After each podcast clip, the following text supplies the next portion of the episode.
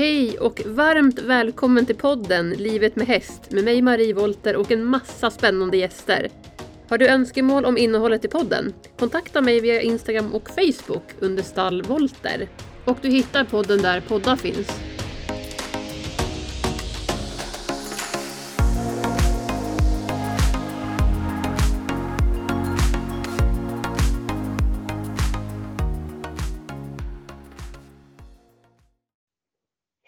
Hej Johanna! Hallå, hej! Välkommen till podden! Tack snälla! Så kul att ha dig med i podden alltså. Ja, det är spännande. Jag har aldrig gjort Ja. något sånt här förut. Det är premiär. Ja, det är det verkligen. Ja, och Johanna, du heter Johanna Holmberg och som många säkert känner igen, Whispering Horse är ju ditt varumärkesnamn och det finns ju på Instagram. Eh, Ja, Du är ju då alltså SM-vinnare i barfotaverkning 2023. ja det är stort. Ja, Har du förstått det Johanna nu? Nej, jag, jag tror faktiskt inte det. Alltså det roligaste är ju att det blir, jag blir ju på, påminn dagligdags när jag är ute hos alla er med hästar. Ja. Ja. ja, alltså jag, jag är nog inte ensam om att vara riktigt stolt. Nej, och du var ju den första jag träffade efteråt också. Ja, det var det faktiskt. Ja, du och dina hästar. Jag känner mig riktigt privilegierad faktiskt. Ja, det var Ja. stort. Jag var Ja, lite chockad den dagen. ja, ja verkligen. Men berätta lite då om, eh, ja, om, om ja, jag vet att du är ju som sagt som vi sa här skratta innan en riktigt hovnörd. Ja, jo, det, det kan man väl säga. Alltså, jag brukar säga det, man älskar mina barn men andas hov. Och det är väl en rätt bra beskrivning liksom. Det är ju, hovar är ju allt. Får man säga så? Ja, det får man säga. Hovar är allt. Det har ju varit det under en så lång tid. Ja, Eh, Det är väl det som är, är spännande. Och, och jag kommer ju ihåg så väl bara den här tanken av att släppa den här skodda hoven och, och ha barfota. Börja med barfota. Det var liksom det var förknippat med sån ångest i mig. Att nej. Samtidigt så hade man hållit på med just rehabilitering av, av häst liksom fysiskt. mm. Och insåg ju väldigt, väldigt fort att eh, har hästarna fel vinkel där nere då spelar det ingen roll vad man gör riktigt med kroppen. För att det blir, det finns alltid en kompensation, det finns alltid någonting eh, som stör. Så att eh, problemet kommer i regel tillbaka eller flyttar på sig eller ja, den här helheten, eh, enligt mig så kan man inte uppnå den om man inte har en bra hov. Det, det är helt omöjligt. Det går inte. Det är grunden, tänker du? Ja, absolut. Absolut. Så kan man ju vända vad som är hönan och ägget. Är det kroppen som har gett en kompensation i hoven? Så att, för det, det ser man ju också dagligdags att en häst kan råka ut för en skada eller göra illa sig på något sätt eller sjukdom eller vad, vad det än kan vara för någonting. Och sen får du en direkt kompensation nere i hoven. Men Mm. det kan lika gärna vara hoven då som utsätts för ett, ett sämre hantverk. Och eh, du får kompensationer uppe i kroppen istället. Det blir svårt att bygga muskler, balansen. Ja, det felar ju på många sätt liksom. Mm. Men, men absolut, det är ungefär som att du bygger ett hus. Har du ingen bra grund så kan du inte förvänta dig att huset står kvar liksom. Nej. Så hoven är A och O i min värld. För, för just den här helheten liksom. Som många vill uppnå med sin häst. Och det är så spännande. Det har ju verkligen gått upp ett ljus för mig som jag lärde känna dig lite extra, liksom, hur viktigt det är. Visst, det har jag alltid vetat och då tror jag Ja, hästen vet att hoven är otroligt viktig. Men kanske inte riktigt har jag nog förstått hur pass mycket också man kan jobba med hoven och hur, hur, vikt, alltså hur viktigt allting, hur det hänger ihop allting också. precis. Um, men kan du inte berätta lite grann om varför du, hur, hur du kom in på det här med, med barfota hovar och vad, vad som, för du sa ju där att det var lite läskigt när du skulle ska av som du sa. Kan du inte berätta lite Precis. grann om bakgrunden till det? Ja, så det är ju mycket den här känslan av att man, och det är ju faktiskt väldigt många som man träffar i, ja, i vardagen som, som pratar om precis samma känsla det här att man är så van att hästen inte kan gå utan den här skon. Och, eh, och det är ju inte liksom egentligen någonting negativt mot järnskon i sig. Eh, för det är ju ett skydd. Men det finns mycket andra skydd man kan använda sig av. Och, men just den här rädslan av att ja, många har ju erfarenheten av att man tappar en sko och hästen kan inte gå. Um, och det finns ju mycket olika rön kring det, varför hästen inte just kan gå på den här hoven. Men för gemene man och även för mig så betyder ju det att skon har åkt av, min häst mår väldigt dåligt. Eh, jag kan inte göra någonting förrän den här skon sitter på igen. Mm. Eh, så det är klart att det fanns en enorm rädsla liksom för att ja, och det, det, det, det är ju sånt där som man är, man skäms ju nästan lite för att säga det men man är ju lite uppväxt med att, eh, att en häst utan skor är ju en häst som står i en hage, det är en hagprydnad liksom. Mm, jag, jag kan relatera till det absolut. Jag ja, jag ja. har alltid tänkt i stort sett. Det går liksom inte att ha en, en frisk fungerande häst. Eh, Nej, inte om, rida, inte om, man ska rida och träna har jag som tänkt. Precis. Jag har haft Precis. min som de som lyssnar på podden tidigare förut och vet, liksom, han har ju mm. gått barfota fram tills mm. han Sen fick han skor i fram och sådär. Men annars har han ju liksom sedan ganska många år tillbaks inte gjort så jättemycket. I början gick han mycket i hagen när han var ung häst och sådär när vi köpte honom. Exakt. Och då, men då behöver han inte ha skor. Men sen Exakt. så ska börja rida men då ska han ha skor. Så att jag kan verkligen relatera till det. Ja, tror... när kraven ökar så ska skyddet på. Ja. Och, och det, det där tycker jag är så spännande för att jag har tänkt mycket under åren just det här att jag har ju haft shettisar då barfota hela tiden för att de var jobbiga att sko. Och att det var svårt att liksom, ja, det, var, det kändes som, som att skon blev klumpig på dem. Eh, och sen har jag ju så här många år efteråt och vi har även diskuterat hemma med min mamma då att just det här att men den här, den här shettisen var ju alltid den som var piggast. liksom. Det var ju de andra man oftast hade problem med kroppsligt och det var, man tränade mycket på specifika saker och det var låsningar och det var dittan och dattan och liksom sådär. Mm. Men den här shettisen då som ja, ändå hade en väldigt naturlig hov som eh, nöttes själv av underlaget och ja, ja men det är självklart att shettisen var igång men, men inte på samma nivå. Mm. Eh, den var ju alltid piggast. Mm. Och det där har jag tänkt mycket på efterhand liksom att hur, hur, kom det, hur kom det sig att, för det är också många som kan relatera till det att ja men den här hästen är ju ändå rätt pigg, rätt frisk. Eh, det händer inte så mycket men man har ju ändå någonstans alltid landat i att jo men det är ju den lilla sällskapshästen eller hagprydnaden som eh, det är klart att den, att den kan vara barfota, det är klart att den kan gå i hagen. Den får inte direkt ont, inget obehag för den gör ingenting. Mm. Så det är ju spännande ju mer det har förändrats, alltså synen på det där. Eh, idag kan ju jag tycka att ja, men jag jobbar ju med mycket tävlingsryttare, eh, människor med jättehöga ambitioner, det finns jättehöga mål. Eh, ja, alltså det är ju inte, det är inte hobbyhästen längre som är barfota. Sen älskar ju jag hobbyhästarna för de är jätteroliga att jobba med. Men, men just det här att det är erkänt på ett annat sätt idag. Och det gör ju mig jätteglad. Mm. Verkligen. Att fler vill satsa och prova och det här uttrycket att min häst kan inte gå barfota tycker jag börjar fejda ut lite grann för att det uttrycket för mig står för att det är någonting som inte stämmer. Alla hästar kan gå barfota men det kräver det kräver att man ser över eh, foder, grovfoder, kraftfoder. Vad är det som gör att hästen har tunnsula? Vad är det som gör att hovväggarna är jättetunna? Varför har hästen rötangrepp? Eh, mycket handlar ju om vart hästen lägger sin belastning och vart balanspunkten liksom, ja, kontra anatomin då med hoven och hur landar hästen på hoven. Det är så mycket mer än att hästen inte kan gå barfota. I alla de fallen där jag har träffat ägare som har prövat barfota och sen faller man tillbaka då för att hästen inte kan eh, så finns det alltid en rimlig orsak. Och i regel så är det oftast trycket och vinklarna och belastningen då som hästen får eh, kontra att anatomin kommer uppifrån och ner mot hoven och marken kommer underifrån och upp mot hoven.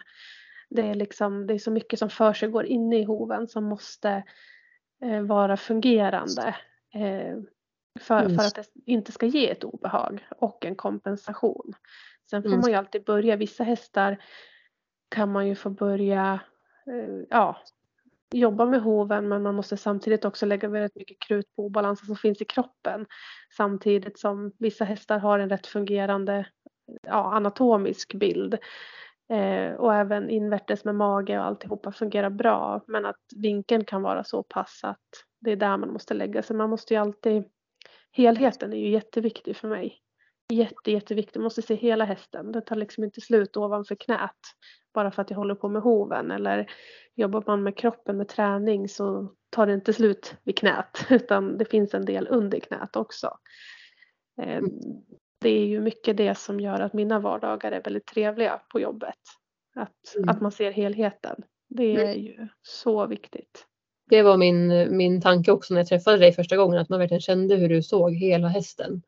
Ja, Det, det, det är man ju väldigt tacksam för. Liksom. Och det är ju det så är det som är kul. Ja, både kul och så himla viktigt ju.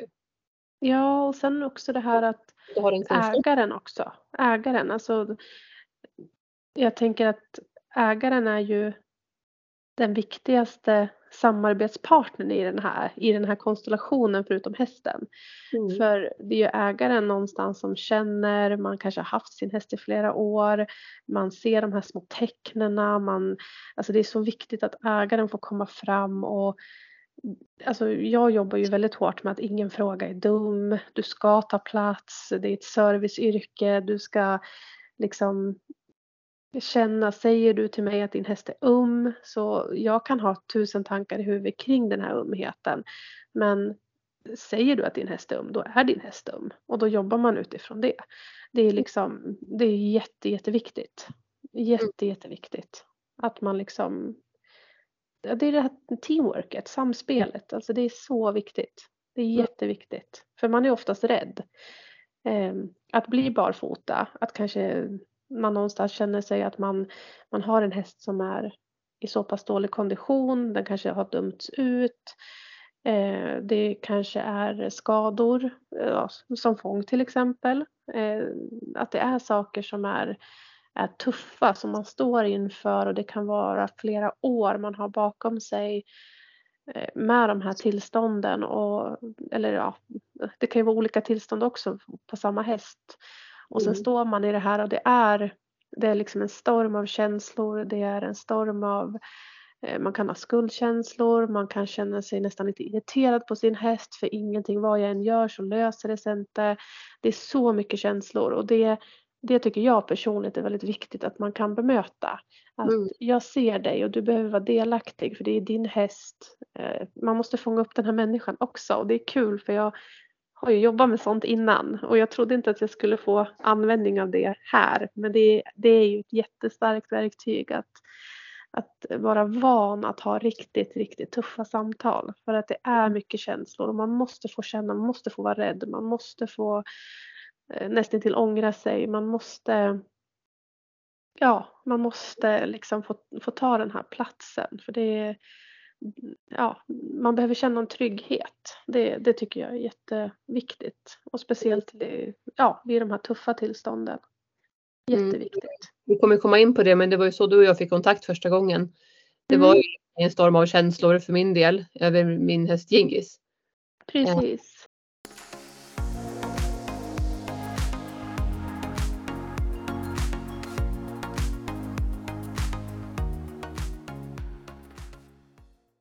Du sa ju där att det var liksom läskigt det här med att skav när, när du stod inför det här valet, att, att själv skav och liksom den här Mm. barfotsvärlden. Vill du säga någonting om det tänker jag? Ja, alltså främst, främst så är det ju, alltså det var väl egentligen med alla hästar, att man ville ju inte vara annorlunda egentligen på något sätt. Nej. För, för någonstans så fick jag ju också till mig när jag tog upp det här att, att eh, din häst kan inte gå barfota, den kommer aldrig klara av att gå, gå barfota, eh, det var bortkastad tid. Och någonstans så kände ju jag inom mig att ja, men jag måste prova. Ja, För att min häst eh, mår inte bra. det. Och eh, det är ju också samtidigt det som är spännande för att hon är ju fortfarande med oss och starkare än någonsin liksom. Ja. Så att det är ju eh, det, är ju det som är spännande någonstans. Liksom att, och det, det, det är ju någonting som många också pratar om så här när man har jobbat ihop ett bra tag. Att, eh, kommer du ihåg liksom, min häst eh, skulle ju somna eller min häst hade jag inte ridit på två till fyra år. Och, eh, ja, jag hade gett upp alla tankar om att min häst kunde bli mm, piggare, friskare, friskförklarad, mm. grönförklarad av veterinären och, och sådana där saker. Och det är ju många, många sådana historier som finns i ryggsäcken. Liksom att, mm. att hästen går från utdömd och, och, så var det väl ändå lite för mig också liksom. Men det var ju jätteobehagligt. Jag mm. kommer ihåg så väl att jag knappt vågade titta ut i hagen den första tiden liksom för att eh, ja, hon, mm. hon kunde ju dö av att bli barfota liksom. Så att det är ju, så det var mycket känslor. Det var otroligt mycket och jag tyckte att det var väldigt, väldigt tufft för att jag hade liksom ingen att dela det här med. Nej. Jag hade ju då en profession som tyckte att jag var dum som gjorde det här och, och det behöver man väl inte prata mer om så men, men just det här att, att man kände sig utlämnad till att jag gör någonting dumt mot min häst som troligen inte kommer funka men jag har inget val. Vad gör jag då liksom? Eh, och den, den känslan upplever jag att många har. Att det är därför det är så viktigt. Mm, verkligen, det är jätteviktigt att prata om. Ja, det är viktigt att prata om det och viktigt också att man får höra, tycker jag, att det faktiskt kan vara väldigt jobbigt. Ja. Det är många som är ledsna, det är många som... Eh, jag skor till exempel inte av för många hästar samtidigt av den anledningen att jag vill vara tillgänglig hela tiden för de här ägarna. Mm. För att kunna svara på frågor, för att kunna liksom eh, kunna åka dit om det behövs. Eh, kunna liksom bekräfta det här att titta på filmer när hästen går efteråt. Eh, ja, bara, bara finnas där. Och sen bokar man ju alltid in ett tätt besök efter en avskolning till exempel. Ja. Av den anledningen också att man vill visa att ja, men jag, jag har din rygg. Mm. Eh, det finns och det är också väldigt viktigt tycker jag att man gör upp en bra plan och eh, sen är det ju vissa som man tar av skorna och sen får man nästan jaga dem lite grann. Hur går det? Hur har ni det? Och det, ja, men det går bra och sådär. Så att det är så himla himla olika. Men jag tycker att det är viktigt att belysa att eh, vissa, vissa tycker att det är jätte, jättejobbigt och det är helt okej okay för att det är ett ett beslut för många som är väldigt, jag tänker mycket det här att man, man, man är ju i sin comfort zone och sen ska man gå utanför den här zonen. Och för många kan ju det vara att bli barfota med sin häst. Det kan liksom vara ett stort steg att ta, att gå utanför den här trygga zonen som man vet ändå har funkat kanske i åtta år. Sen, sen är det ju många som också vittnar om att man ser att ja, men hästen mår lite sisådär. Eh, vi har problem med det, både det ena och det andra. Eh, men och anledningen till att jag refererar till det, det är ju för att de problemen i min värld faktiskt försvinner. Och det är ju det som ändå med stolthet jag vågar säga det högt. Ja. de försvinner.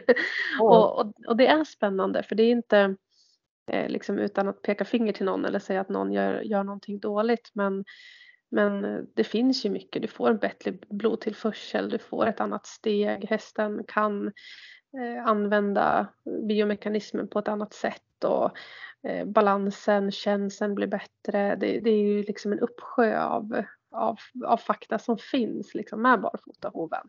Mm. Så att, och det är ju spännande och, och det är ju Nej, så att någonstans så, så är det ju, jag tycker att det är viktigt att prata om de där känslorna för att jag tror många kan känna igen sig i det också. Och många berättar ju att ja, men jag har följt dig på Instagram ett år och jag har ställt lite frågor och nu kanske jag är redo.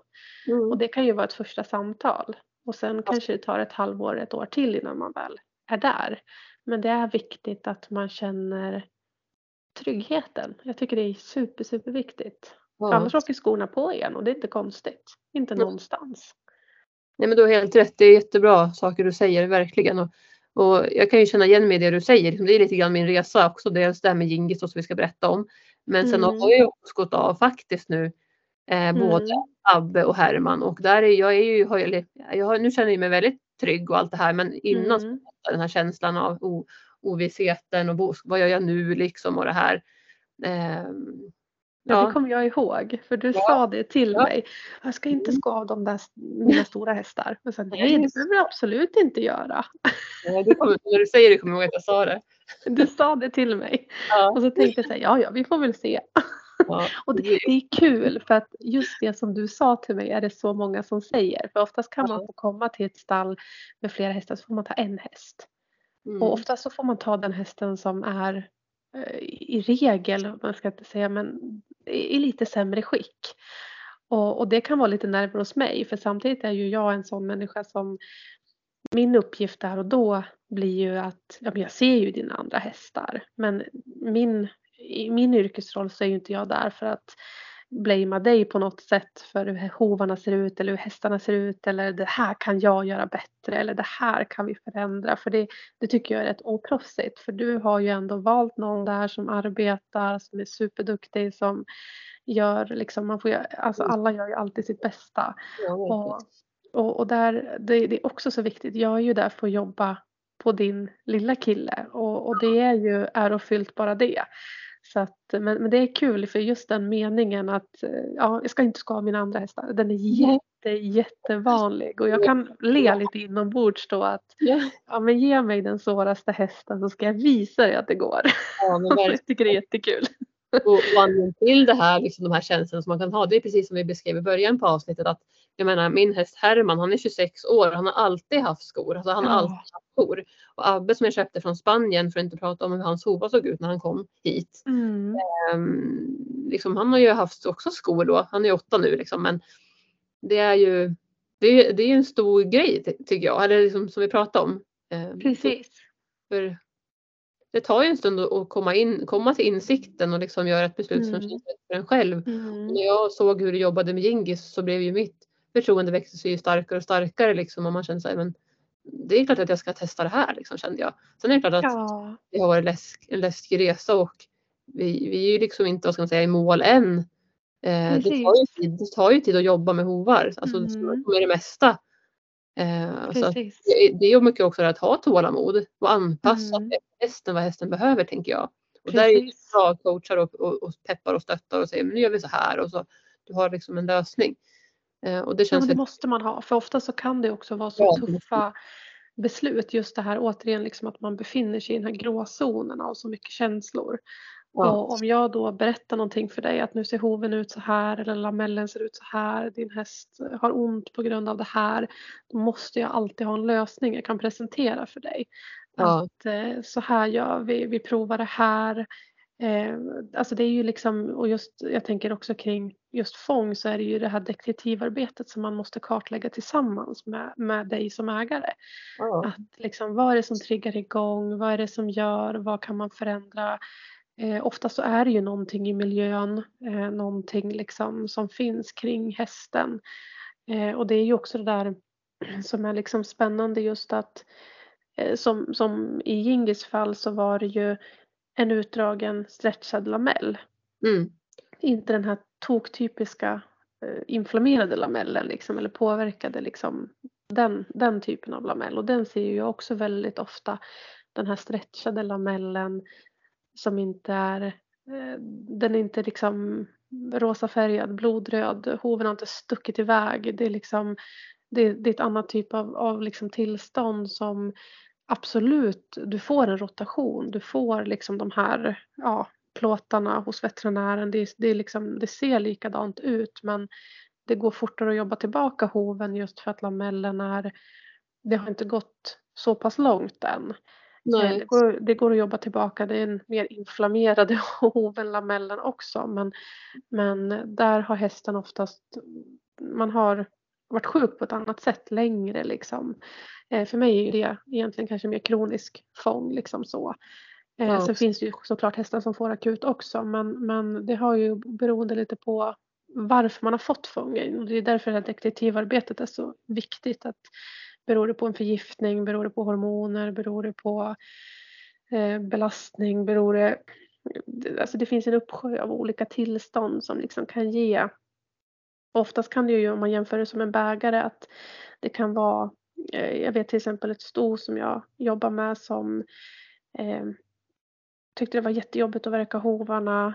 Eh, lamellen där och då var väldigt utdragen liksom kring hela hoven. Eh, hästen hade ett enormt eh, kompensationsarbete i sulan för att hovbenet var ju, hade ju en viss rotation men det var ändå inte helt illa kunde man se ute på hoven. Men en otroligt eh, stretchad lamell, en av de längsta jag har sett runt hela hoven. Eh, mm. och det är klart hon hade ont att gå, alltså det hade hon ju generellt liksom, det var, det var inget konstigt.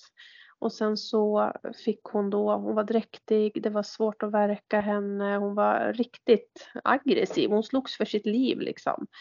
Och sen mm. kom det här fölet och det vart inte bättre. Eh, och hon fick eh, fång. Och, och det är ju, i min värld så hade hon ju redan alla symptom eh, långt, långt innan. Men man, man slår ofta på stora trumman när hästen står som du vet, i den här riktiga positionen med framhovarna framför sig och, eh, och, och, så. Det är liksom där det någonstans, där ska man hitta en syndabock och det är där man ska liksom, ja, mm, där, där är det någon som har gjort fel och det kan vara ägaren, det kan vara den som jobbar med hoven, det, kan, alltså, det spelar liksom ingen roll men någonstans så tycker ju jag att man kan se när jag är ute och jobbar till exempel, jag signalerar ju direkt om jag ser en stretchad lamell.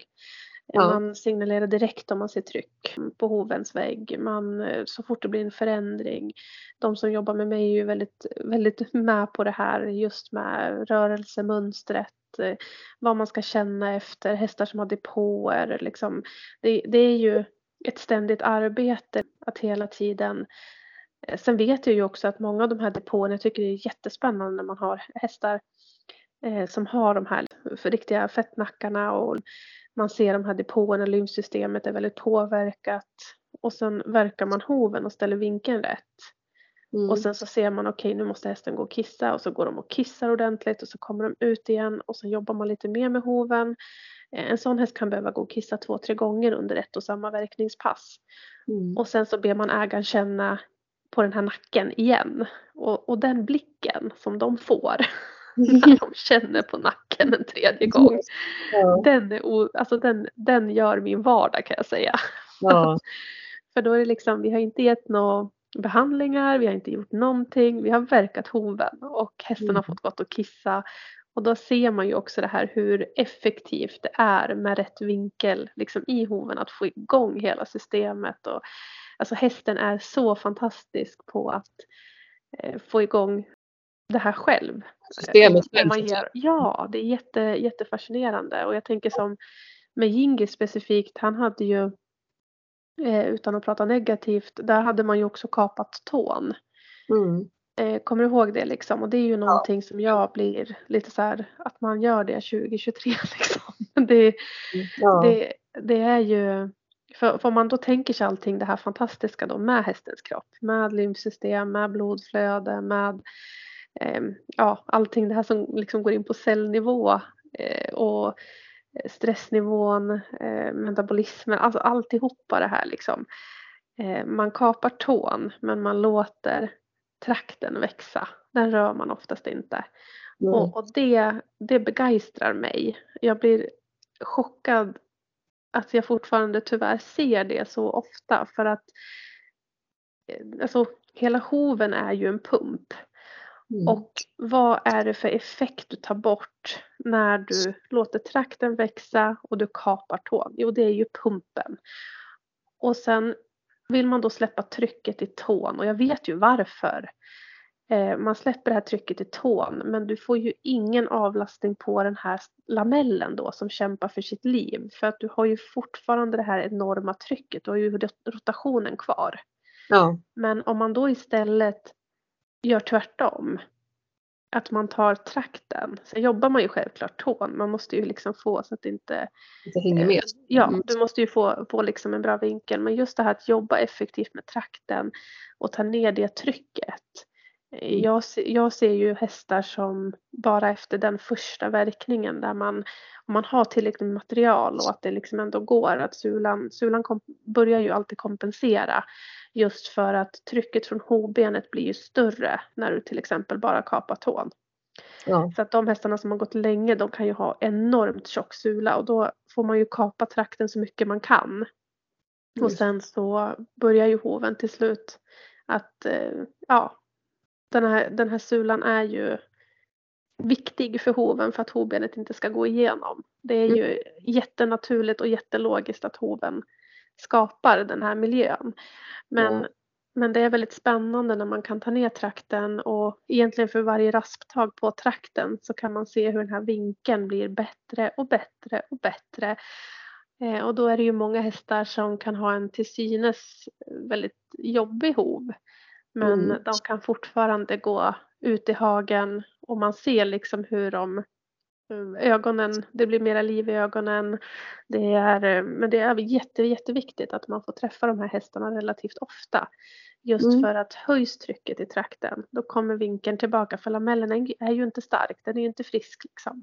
Mm. Så att det är jätteviktigt med den där vinkeln och, och det, det tycker jag är jätte, jättehäftigt.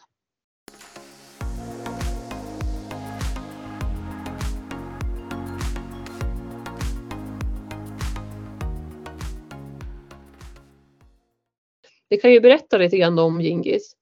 Ja. Eh, hur, hur det kom sig, för det var ju så här, jag började ju följa dig, jag kommer inte exakt ihåg när det var, men det var ju då en tid sedan i alla fall. Ja, eh, men precis. Och sen så stod jag där i februari, hör och häpna, mitt i vintern. Man tänker ja. som att en häst får ju fång på sommaren, det har ju varit min. Exakt. Exakt. Eh, men där står jag med en häst, och, eller han, det visade sig att han var halt. Jag åkte mm. in i kliniken, hältutredning och konstaterat fång. Jag tänkte bara va? Alltså, det fanns inte min tanke. Jag vet ju hur man ska kolla liksom rörelsemönster och sånt där men det fanns inte min tanke. Jag tänkte han har gått omkull i hagen eller sträckt sig för det var mm. snöstyltor och allt möjligt. Precis. Eh, men, men jag åkte hem förtvivlad. Han skulle stå på box då. Och eh, så såg jag ett inlägg av en händelse som du hade lagt upp där om fång bland annat. Och så sa jag till, till dig Johanna att Johanna, min häst har också fått fång, vad gör jag liksom? Ja. Jag, jag, jag har det här och det här liksom och vad kan jag, hur kan jag göra för att underlätta? Han står på box och sådär nu då. Eh, och då började ju vårt samarbete. Så jag ja det var ju så det började liksom. Ja, jag är så otroligt tacksam. Och vi började, du började jobba med Gingis. Ja, och det, eh. var, det är ju också det som är så fantastiskt för att eh, jag tänker du som ägare är ju jätteviktig där också. För du får ja. ju göra mycket jobb du med. Precis. Eh, och, men det är ju samtidigt det som också är väldigt roligt för att jag kan tänka mig, eller min upplevelse är ju av att jag vill ju att ni ska lära er och se. Ja. Alltså med hovglasögonen. De är jätteviktiga. Och, och, det måste jag säga för min egen del att visst, jag, absolut att jag har liksom, att man får vara involverad och sådär i, i arbetet med hästarnas hovar men jag är inte riktigt van att, att få lära sig ja, med de ögonen som jag fick lära mig via dig liksom att Ja, du var mån om att... Det är ju rätt kul, ja, eller hur? Jättekul. Alltså jag börjar nästan bli lite honörd. Ja, men det är jättebra. Jag älskar det. Ja, nej, men så att jag är så tacksam liksom, att få lära sig. Men visst ja. är det spännande? För jag menar, du rockar ju honom hemma. Ja. Liksom. Och bara så här, raspar lite själv, fixar och trixar. Alltså, du, har ju, du ser ju jättemycket grejer som jag blir så här yes, yes, nu. Och, och sen är det också kul för du har ju, du har ju tre väldigt olika hovar hemma. Mm. Alltså uppsättningar hovar. Så det är ju väldigt olika. Du behöver titta och tänka liksom på varje häst. Och det är ju det också som blir så viktigt, det här individuella. Jag är ju väldigt så för att, eh, ja, jag vill ju lära mig allt om barfotahoven. Precis allt som går att finna. Och det är också ödmjukheten för det för att jag tror att man är aldrig fullärd liksom. Eh, och det är ju det som är så spännande och likadant med, med de här hovarna då som, som är drabbade som Gingis. Alltså alla de hästarna är ju individuella. Det mm. som funkar på en häst behöver inte funka på den andra. Och, och, och Gingis hade ju, han hade ju liksom ändå en, han hade ju ändå till synes en rätt schysst hov om man jämför med många ja. andra inte jättemycket kompensation. Han eh, hade inte superhög trakt. Han, liksom, ja, han hade den här kapade tån och det här trycket liksom mm. ut, ut från tån. Och men han hade också, han hade ändå väldigt fruktansvärt jobbigt, hade han ju. Jobbigt, ja. Mm. Eh, och där fick man ju prova, han ville ju inte ens liksom röra sig bättre med boots och ett flertal olika sulor. Eh, och det var ju någonting för mig som vart liksom så här, hmm, hur tusan mm. löser jag det här liksom? Jag får inte ordning på hans... Eh, för, det, för det är ju viktigt att många får ju till sig som du säger att hästen ska stå på box länge och, och, och det, det vågar jag ju säga högt att jag menar det finns ju ingen levande varelse som mår bra av att stå still liksom. Mm. Om, om man inte har en fraktur eller någonting sånt men, men det är ju, men samtidigt så förstår jag ju varför Eh, man uttrycker ju så just för att hovbenet liksom inte sitter fast där det ska. Mm. Men samtidigt så blir det svårt att läka när man inte får. Så mm, huvuduppgiften blir ju någonstans också att se till så att den här hästen faktiskt kan röra sig bekvämt. Ja. Sen, behöv, sen är det ju skillnad på rörelse och rörelse. Att, att tvinga sin häst att, att gå två timmar, det är ju inte rätt. Det är ju inte så det ska gå till. Men att hästen erbjuds fri tillgång på rörelse eh, med, med den anpassningen den, beh den behöver. Och, och, för Jingi specifikt så var det ju väldigt, alltså bara den här tanken av att okej, okay, nu hade ju han ändå en väldigt mild rotation. Mm. Eh, men just det här att det, det som är viktigast för mig är ju att få honom att våga landa rätt på hoven. För det har ju tidigare gjort ont. Mm. Och då börjar man ju kompensera för det även kroppsligt liksom på de här hästarna. Och, och därför blir det ju liksom det viktigaste, viktigaste av allt när man har verkat är ju just att få honom att, att landa rätt. Sen kan jag tycka att när hästen har den här eh, otroliga smärtan som ändå eh, tillståndet bidrar till så, så självklart ska hästen stå eh, still i en box. Eh, och de första liksom dagarna för att det handlar ju också om den här nivån av stress, smärta. Man vet ju själv när man har ont att, att eh, inflammationen eller tillståndet har ju inte lättare att läka för att du stressas runt på en gårdsplan och ska gå liksom. Mm. Utan man behöver någonstans nollställa alltihopa, få igång en, en smärtlindring som funkar. Eh, bara en sån här enkel sak som att inte ha hinken på golvet till vattnet utan höj upp den lite så att man slipper belasta framhovarna. Alltså bara liksom landa, komma i fatt. Eh, för det, det hjälper jättemycket. Jag har sett hästar där jag, jag går inte in i det utan där ägaren liksom verkligen vill att hästen ska röra sig, röra sig, röra sig, röra sig. Och där man någonstans, vänta här nu, stopp, din häst måste få samla ihop sig. Och, och liksom, för det blir den här ökade, och då pratar vi ju cellnivå liksom, den här ök, ökningen av stressen för att det gör ont bidrar inte till att läkningen går fortare.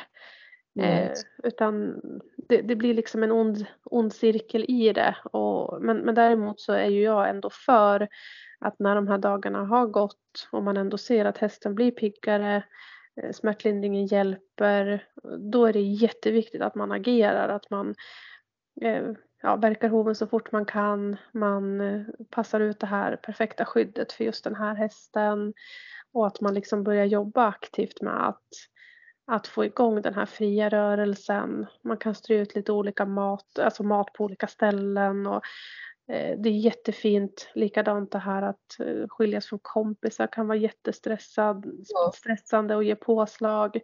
Eh, så att som hästägare så är det ju många sådana detaljer man kan tänka på.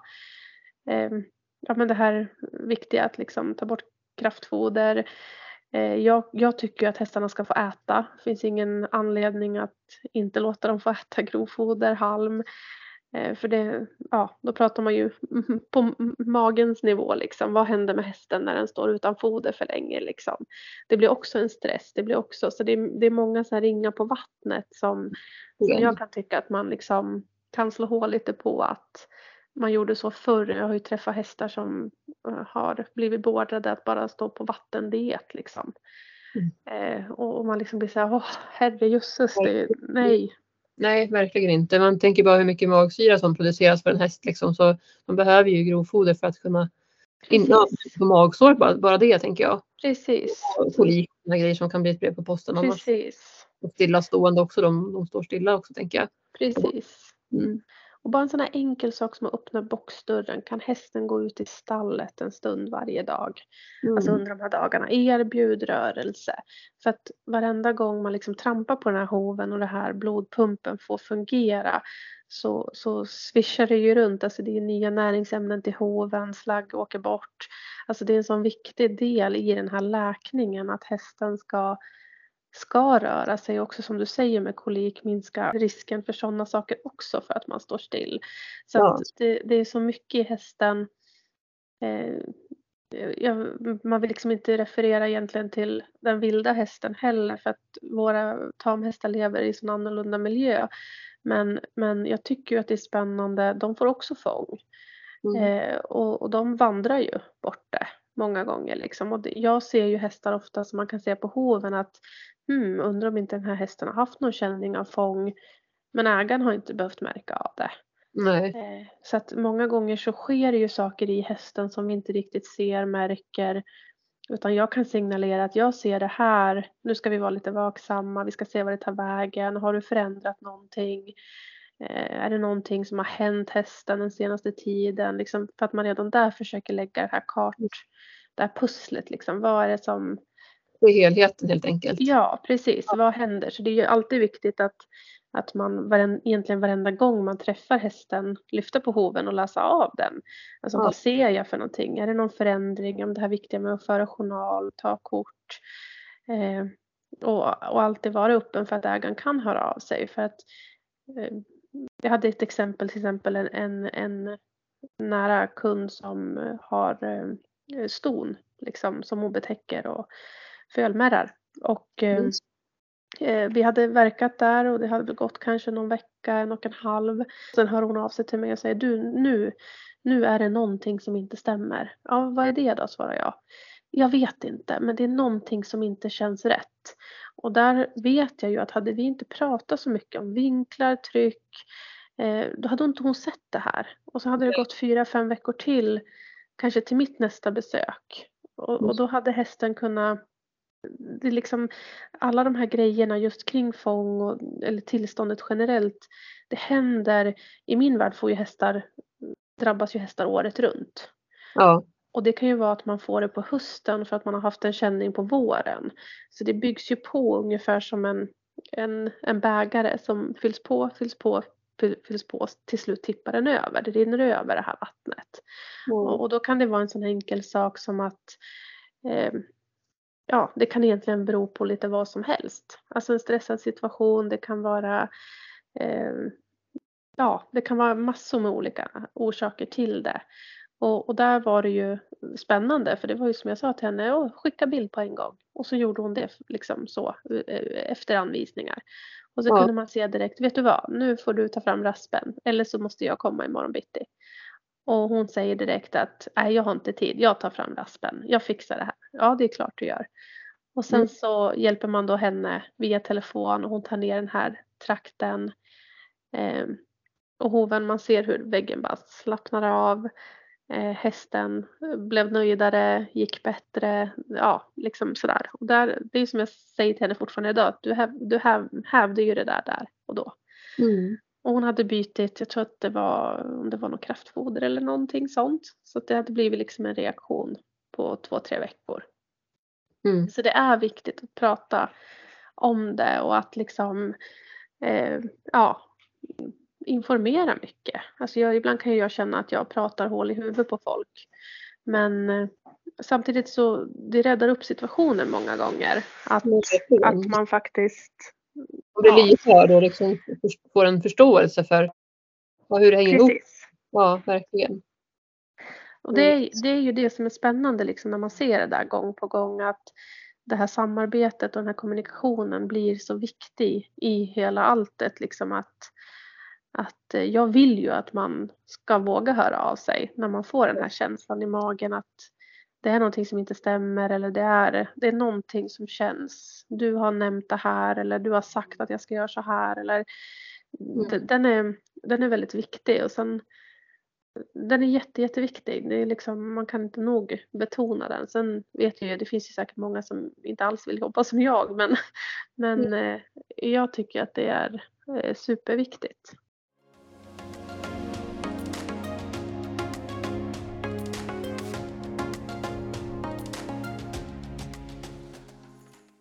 Sen så var det så intressant det här, vi, vi pratade ju om att jag har skott av Abbe och Herman då som har haft skor. Herman som har haft skor i 20, vad blir det, 22 år och Abbe i 5 år i alla fall. Anledningen till det var ju faktiskt lite intressant. vi skrattade åt det. Mm. Eh, det var ju så att Abbe började tappa skorna.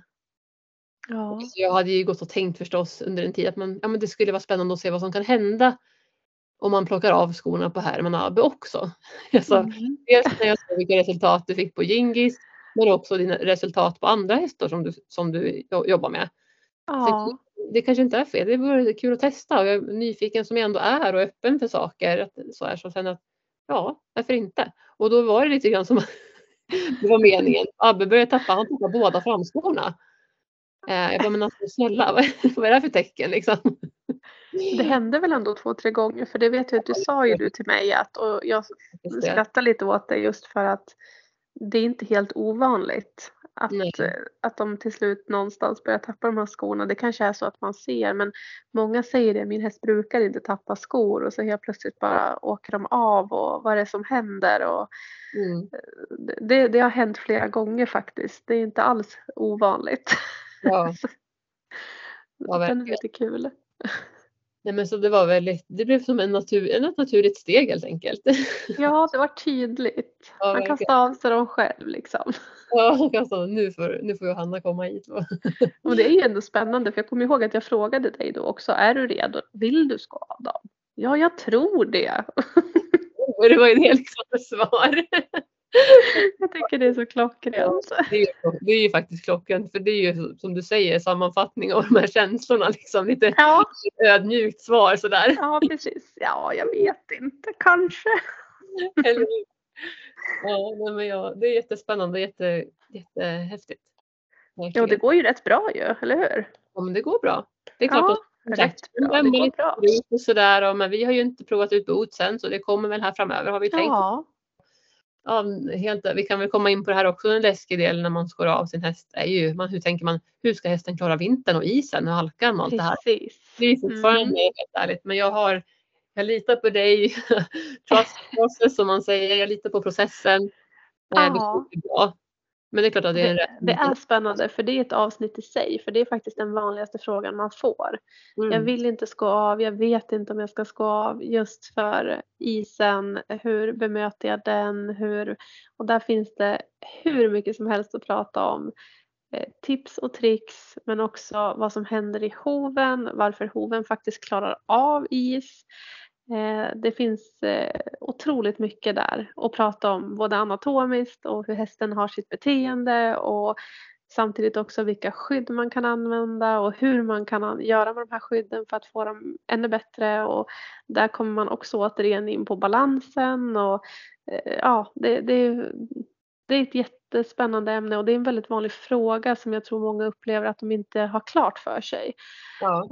För det är många, jag, jag gör till exempel så att jag skickar ut eh, skickar ut till alla eh, som är barfota. Man har skott av och sen har man lite extra koll på de här som man har skott av som inte haft sin första vinter för där vet jag att oron finns.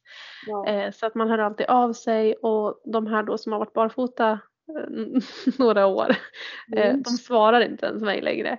Och, men men då, då är det kul för att eh, jag vet ju när de hade sin första vinter då kunde, då kunde man liksom höra av sig, man var, vissa var ledsna, vissa var oroliga och, och sådär och man hjälper och trixar och fixar.